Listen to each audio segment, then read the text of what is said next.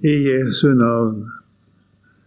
Herre, vi kommer til deg i ditt eget navn, og vi takker deg fordi det er du som har seiret. Du er vår seier, og at den seier som har seiret over verden, det er vår tro. Herre, du ser hvor lett vi begynner å streve med oss selv og mener vi skal ta kampen opp mot de forskjellige ting rundt omkring oss og ser ikke at du har seiret, og at det er du, Herre, gjennom oss som skal møte våre omgivelser. At vi skal få lov å være sterke i deg, i det at du har seiret. Jeg ber at du vil tale til oss om dette, Jesus. Vi kunne komme ut av denne onde sirkel som så mange som bekjenner seg som kristne er i. At de skal få hjelp og kraft fra deg til å klare det selv. Vi vet at det ikke går, Herre, og allikevel så har vi så lett for å sitte fast i dette. Nå ber jeg om nåde fra deg, Herre, at du vil åpenbare deg for oss. At din sannhet kommer inn i oss, Herre. At vi blir redskaper for deg og for din sannhet. Herre, dette ber vi om i ditt navn. Nå vet du hva jeg trenger i denne stund? For å kunne få være et redskap for deg. Og det ber jeg om. Amen.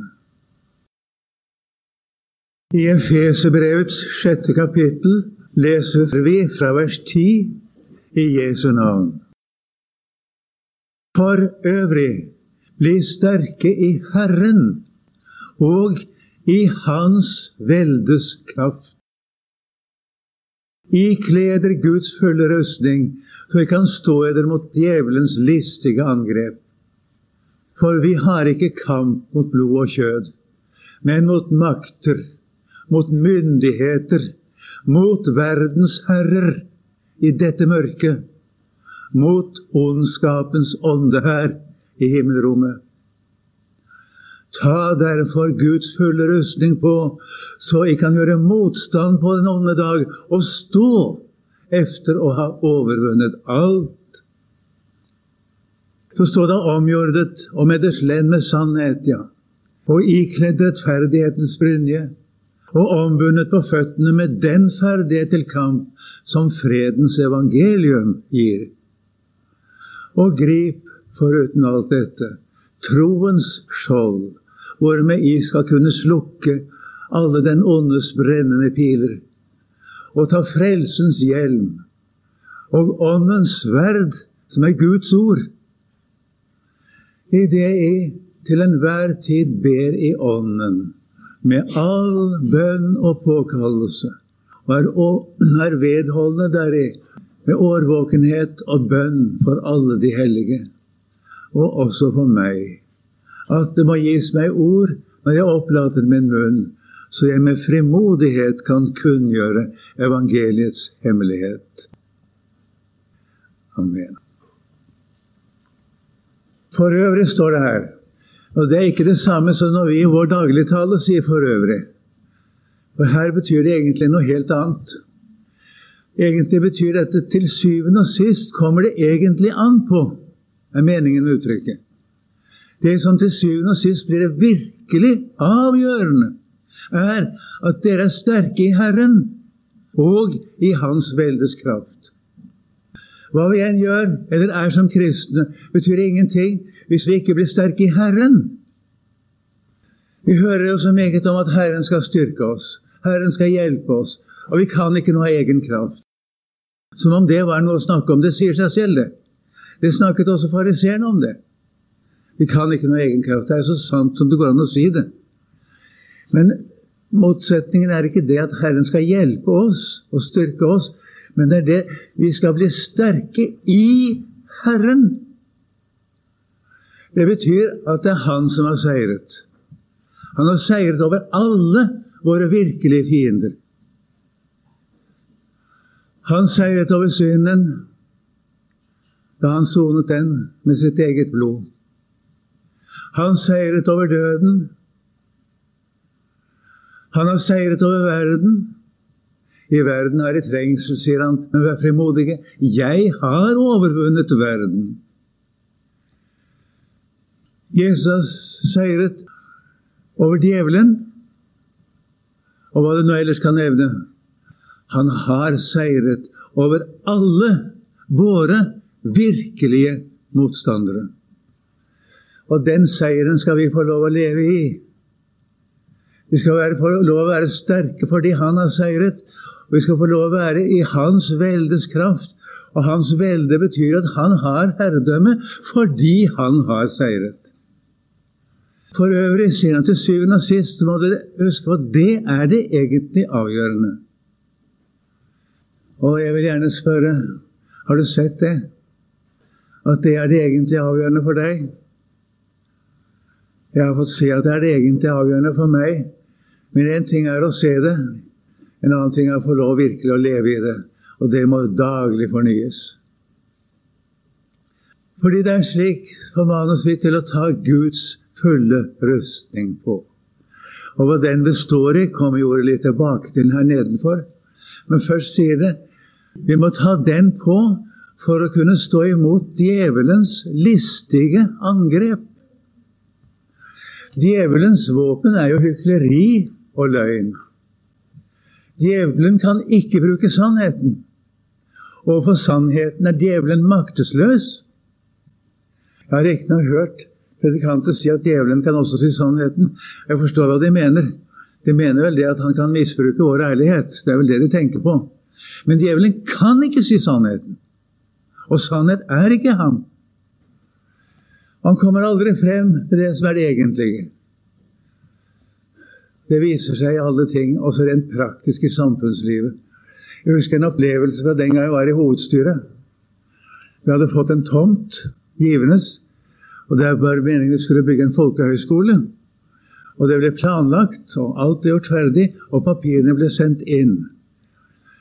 I den kommunen hadde på den tid Arbeiderpartiet flertall.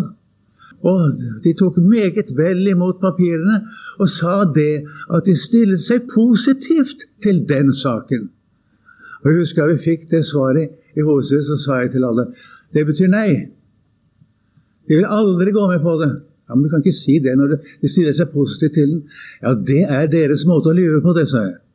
Og det var de som var riktig. Det ble aldri noe av. Riktignok er det nå bygget senere en annen skole ut fra andre forutsetninger på den tomten, men det er en sak for seg. Men det er så typisk. Vi møter det i det daglige liv.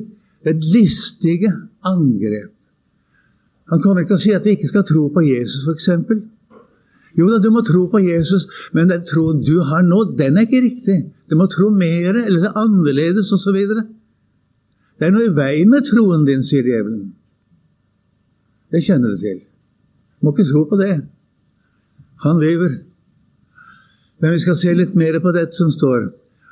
Saken er den vi har ikke kamp mot blod og kjøtt.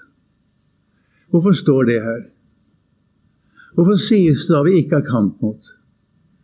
Jo, fordi vi tror at det er det som kampen gjelder. Vi tror umiddelbart at kampen kommer fra mennesker. Men den kamp vi har i kristenlivet og i Guds rikes gjerning, den kommer ikke fra mennesker. Men den kommer gjennom mennesker. Det gjør den. Den møter oss gjennom mennesker. Men den kommer ikke fra mennesker. Og Det er det Guds ord vil gjøre oss oppmerksom på. Hvor kommer den fra? Det er makter, myndigheter, verdens herrer i dette mørket, ondskapens ånde her i himmelrommet. Er det en virkelighet for deg, du? Det? Dette ser du ikke. Dette skjønner du ikke. Og fordi vi ikke kan se det, og vi syns ikke vi kan erfare det sånn som vi ser og hører noe, så er vi tilbøyelige til å tro at dette ikke fins. Det finnes, ja. Og Bibelen forklarer det for oss òg, hva dette er for noe. Jeg skal nevne et eksempel fra Daniels bok, kapittel 10. Der Daniel står ved elvebredden Hidekkel etter å ha fastet og ventet, ikke minst det, ventet i tre uker, 21 dager. Så åpenbarer seg igjen for ham lik en menneskesønn. Og det er jo Herren selv. En veldig åpenbaring. Det er beskrevet hvordan han ser ut. Jeg kan ikke klare å gjenta den beskrivelsen nå. Men det var veldig. De som var med Daniel, de så ikke synet, men de, de følte en underlig makt som var der, så de flyktet. Daniel ble alene med ham. Og han ble avmektig. Farven forsvant fra hans kinn, skriver han, og han ble liggende flat med ansiktet ned mot stranden. Han besvimte altså i det synet. Så sier han, da var det en hånd som rørte meg, rørte ved meg, og hjalp meg opp så jeg skjelvende sto på mine knær og hender. Han sa til meg, Daniel, du høyt elskede mann. Reis deg opp igjen, for nå er jeg sendt til deg. Og da han talte således med meg, sto jeg skjelvende opp, sier han. Og så er han, frykt ikke, Daniel. Og hør nå, for fra den første dag du vendte din hu til å vinne forstand og til å ydmyke deg for din Guds åsyn, er dine ord blitt hørt. Og for dine ords skyld er jeg kommet. Perserikets fyrste sto meg imot i 21 dager. Men da kom Mikael, og det er en av de fornemste fyrste blant englene, og hjalp meg, så vi fikk overhånd der over kongene av Persia. Hva er dette for en historie? Her er det Daniel som ber, og svaret kommer. Og så er det en som er fyrste over Persia. Det er altså en høyere offiser i ondskapens ånde her, det. Han hadde det til oppgave å hindre Guds rike Persia. Derfor kalles han Perserikets fyrste. Han hadde naturlig sine underanførere, som igjen hadde sine underanførere, og like ned til den menige del av hæren. Det er slik ondskapens ånde her er. Feltmarskalken er Satan. Han har sine underanførere, sine generaler. De er plassert omkring i landene. De har fått hver sitt område å ta vare på, og i det området skal de for enhver pris hindre det som Gud gjør. Det er oppgaven. Og dette skjedde altså da. Da bruker de jo mennesker, vet du. Og denne perserikets fyrste klarte å stå imot i tre uker. Men sånn kom Mikael, som er en av fyrstene som hadde med Israel å gjøre. Han er blitt kalt en fyrste i Israel også i Bibelen. Og så ble det en kamp, et slag i åndeverdenen, og så seiret Herren og hans engler. Ondskapens ånde her ga tapt. Og så skjedde det som Herren ville fremme gjennom Daniel. Og Det står meget om det videre i dette kapittelet og de følgende. Daniel fikk et underlig syn og skrev hele den fremtidsboken som står videre i Daniels bok. Det var mye om å gjøre for djevelen å hindre det. Men det lyktes ikke. Man kan jo undres på hvordan Daniel ba. Hva slags bønn er det som har en sånn makt? At for dine års skyld er jeg kommet, sier han, lik en menneskesønn som er Guds sønn, han som senere kommer til kjød og heter Jesus. Hva, hva, kan, hva, hva kan en sånn bønn utrette? Hvordan er den bønn? Jeg skal ikke lese meget av det, men vi har det i Daniels bok, i kapittel 9, i vers 5 særlig. Jeg kunne også ta med vers 4, men jeg skal sitere vers 5, hvor Daniel sier Vi har syndet og gjort ille og vært ugudelige og satt oss opp imot deg. Vi har veket av fra dine bud og dine lover. Vi hørte ikke på dine tjenere profetene, som talte i ditt navn til våre konger, til våre fyrster, til våre fedre og til alt folk i landet. Han sier ikke at folket har syndet. Og sier folket Daniel var personlig en meget gudfryktig mann. Men han sier vi. Vi har syndet. Vi har gjort ille. Passer ikke dette på det norske folk? Det passer veldig godt. Ikke minst i dagens situasjon. Vi har gjort ille. Vi har vært ugudelige. Vi har satt oss opp imot deg. Vi har veket av fra dine bud og dine lover. Det er nettopp det vi har gjort. Da må vi gå et litt skritt videre og se hvordan arter det seg med ondskapens ånde her, rent praktisk sett. Hvordan virker den i det daglige? Og det har vi svar på i Efeserbrevet kapittel 2, i de to første versene, ja, det tredje òg for den saks skyld. Og så er eder som er døde, eders overtredelse og synder. Eder har han gjort levende, eller eder overtredelse og synder. I hvilken form de vandret. Efter denne verdens løp. Efter høvdingen over luftens makter. Den ånd som nå er virksom i vantroens barn. Vantroens barn det betyr alle som ikke er troende. det. Er du klar over at hvert eneste menneske som ikke er frelst og født på ny, er under herredømme av denne åndsmakten? Det kalles høvdingen over luftens makter. Dette vil mange mennesker flire av. Hvor er dette hen, sier de. Dette har vi aldri sett noe til. Nei. Nå har vi nylig hatt en ulykke borti kan aldri riktig få fatt i, jeg har ikke sett det skrevet etter, etter navnet på denne russiske byen nord for Kiev. Tsjernopil eller noe sånt noe. Ja. Og det har nesten vært det rene hysteri av redsel her i landet for den strålefaren. Kan jeg spørre, Har du sett de strålene, da? Det er ikke noen mennesker som har sett de strålene noen gang. Vårt øye er nemlig slik at det meste av det som fins, kan øyet ikke se. Vårt øye ser meget, meget, meget begrenset del av virkeligheten. Jeg har hørt av vitenskapsmenn at om vi bare sammenligner med hva en falk kan se Hvis vi kunne se slik som en falk, så ville vi kunne lese en vanlig boktrykksside på 300 meters avstand. Bare tenk på forskjellen på den, den synet vårt.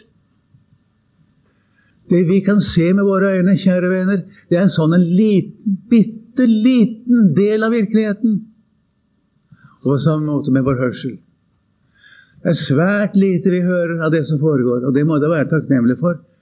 Og hvis vi hadde hatt en hørsel som kunne oppfatte alt, ville det være et øredøvende leven fra vår egen organisme. Det ville gjøre det nesten uutholdelig å leve bare det.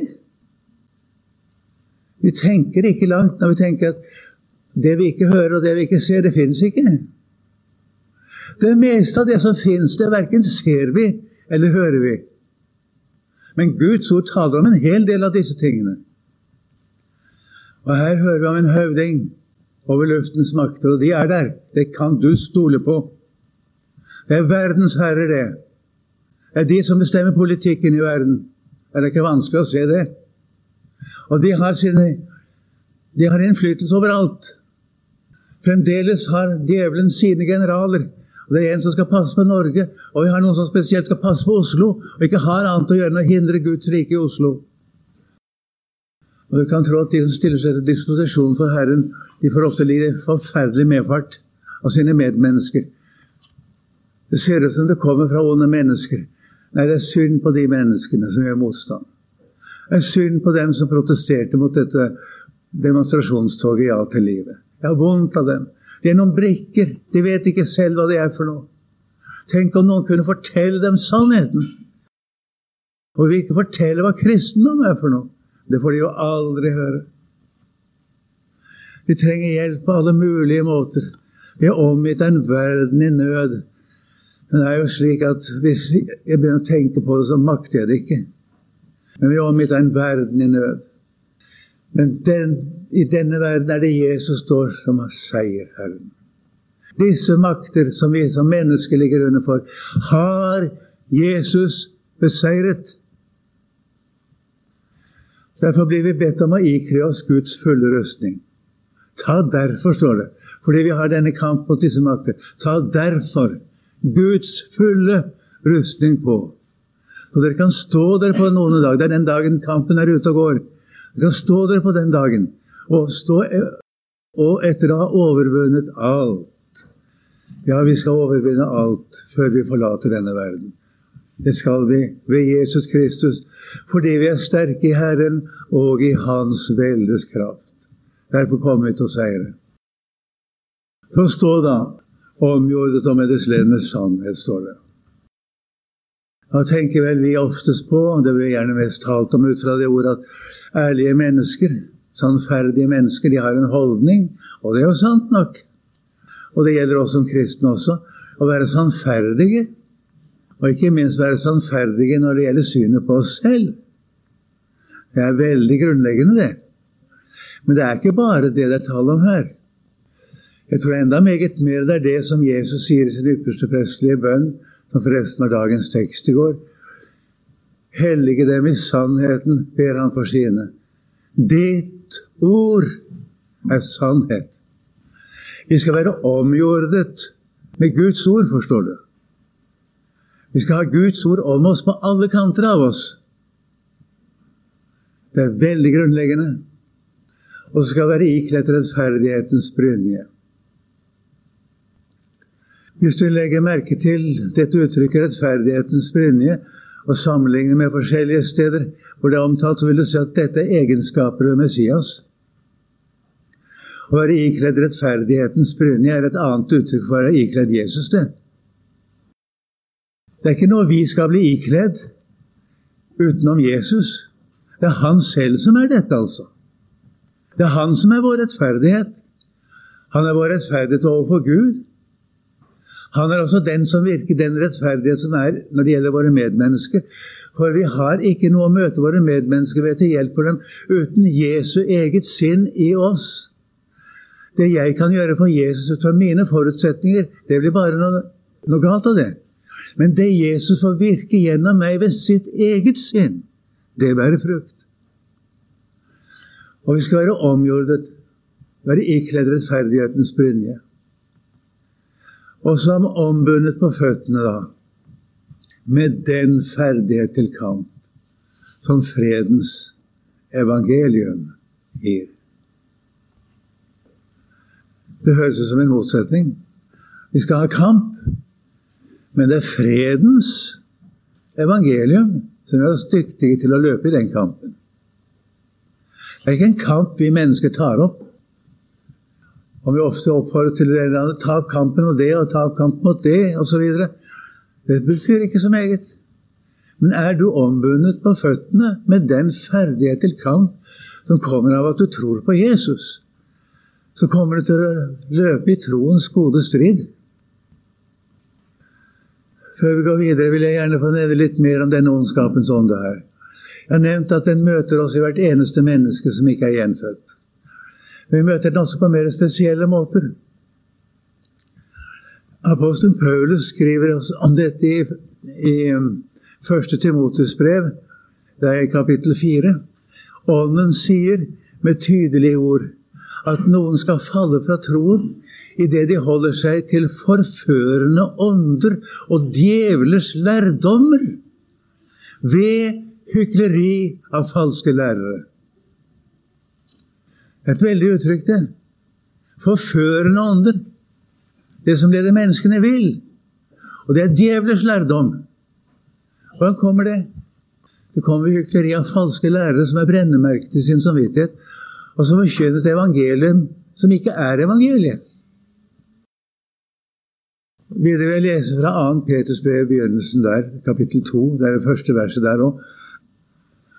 Det oppsto falske profeter, altså Israel, liksom det òg blant eder skal komme falske lærere som skal lure inn vrange lærdommer som leder til fortapelse. De skal lure dem inn. Her har du det samme igjen.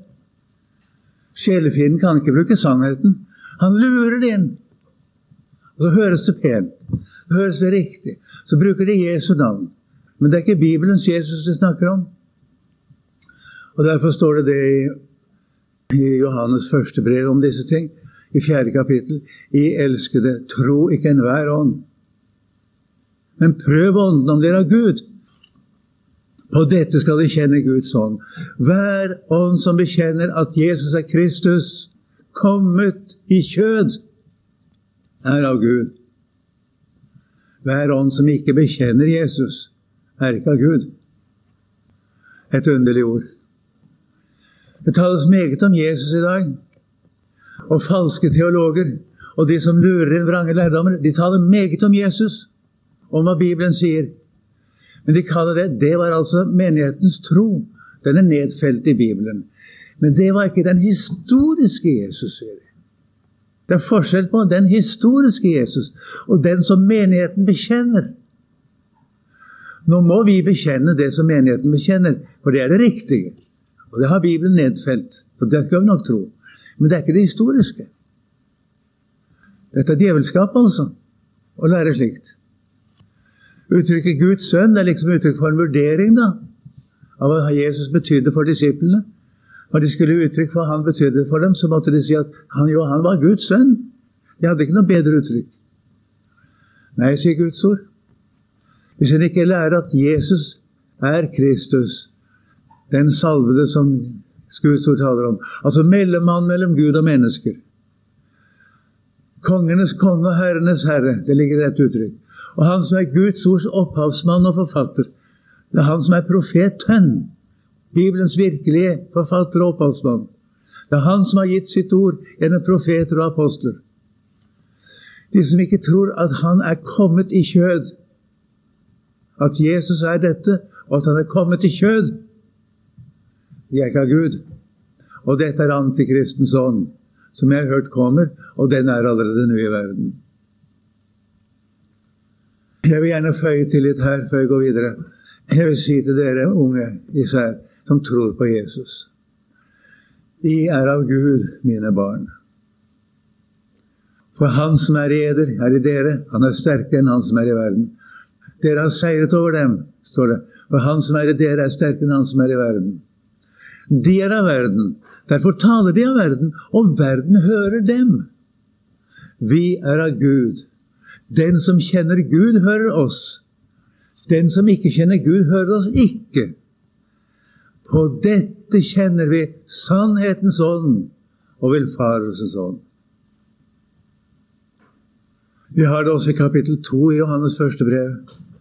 Hvem er løgneren uten den som nekter at Jesus er Kristus? Og dette er antikristen, den som nekter Faderen og Sønnen. Og så føyer det til kapittel 2, vers 23. Hver den som nekter Sønnen, har heller ikke Faderen. Den som bekjenner Sønnen, har òg Faderen. Bekjenne, det betyr at vi i vårt hjerte sier efter det som Gud har sagt føre i sitt ord. Bekjenne er ikke bare i uttrykk for hva vi mener, eller noe sånt, men at vi i vårt hjerte sier efter fordi det er født inn i vårt hjerte, nemlig av Herren.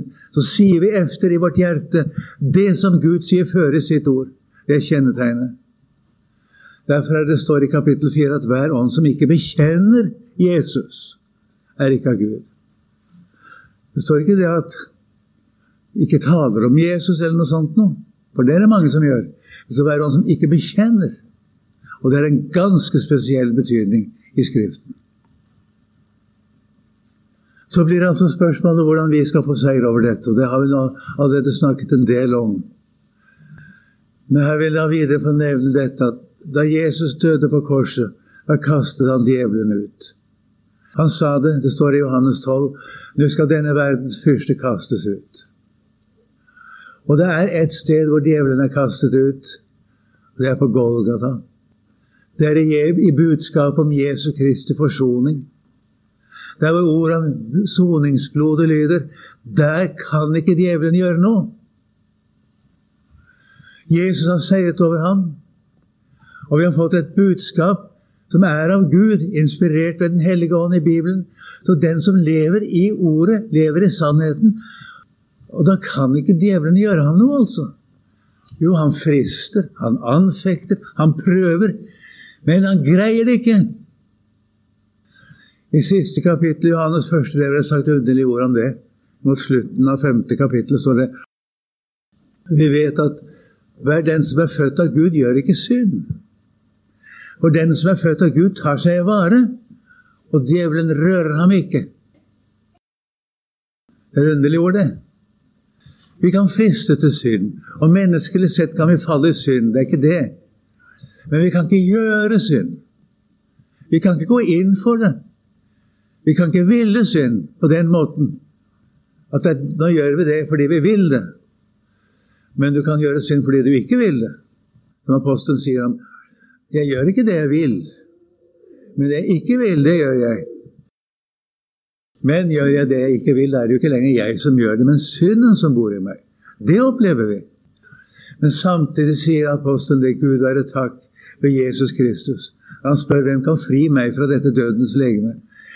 Gud være takk ved Jesus Kristus. Når du blir i evangeliet, og nå hør nå hva jeg sier Når du blir i evangeliet, som er budskap om en bestemt person, Guds sønn, som har fullført bestemte kjensgjerninger til vår frelse, så seirer du over djevelen. Guds kraft er virksom i evangeliet. Det er evangeliet som er en Guds kraft til frelse. Det er evangeliet vi blir sterke i Herren og i Hans veldes kraft. Tenk om dette kunne bli erkjent i dag. Jeg sitter og hører andakter når jeg har anledning til det, i NRK, og høymesseprekener. Å, jeg er så skuffet. For det de sier, det er ikke sant, altså. Og likevel er det ikke løgn. De sier sånn åpenbart. Det stemmer jo tilsynelatende med Bibelen. Og allikevel er det ikke Bibelen. Vi snakker om Jesu forsoning. Men den som kjenner Jesus, han vet at det er ikke Jesu forsoning det du snakker om. Allikevel. Vi lever i en alvorlig tid. Og Derfor lyder det i dag, jeg sier det med Guds ord, det som det til syvende og sist kommer an på, det er nettopp at du er sterk i Herren og i Hans veldes kraft. Da seirer vi. Hvem er den som har seiret over verden, uten den som tror at Jesus er Guds sønn? Den som tror, står det, det betyr det samme som i sitt hjerte stoler på, som i sitt liv regner med Jesus er Guds sønn. Og det er Guds sønn som har fridd meg fra mine synder. Og du som strever med å seire over fristelser som du ligger under for. Kjære deg, Jesus har seiret over dem for lengst. Jesus er din seier. Bruk den mot fristelsene dine. Det er ikke noe annet som utnytter. Og om du lider nederlag, som en sier, så lider du ikke nederlag hvis du tror på Jesus. For du kommer til å bli i seieren. Dette var altså budskapet. Så føyer apostelen til i det vi til enhver tid ber i Ånden. Der kan vi be uavlatelig. Jeg kan be også når jeg ikke er i lønnkammeret. Jeg vil gjerne være i lønnkammeret, men det er ikke så alltid godt å få vært der. Men vi kan be til enhver tid i ånden, og med all bønn og påkallelse. Og så får vi lov å be for hverandre og hele Guds menighet. Og det betyr noe, det, at de kristne ber for hverandre. Det er en realitet i det. Her kommer det igjen inn i bildet dette. må ikke vi regne med hva vi sånn kan se, da og vi kan registrere. For som sagt, det viktigste, det sanser vi ikke. Men det er en virkelighet. Og så ber apostelen hva jeg gjerne ønsker å si som min, mitt ord også. Også for meg, sier han. At jeg må få ord når jeg opplater min munn, så jeg med frimodighet kan kunngjøre evangeliets hemmelighet. Jeg vil være takknemlig om jeg også kunne bli husket på i den sammenheng. Herre, vi takker og priser deg for din seier. Jeg takker deg fordi du har seiret over djevelen.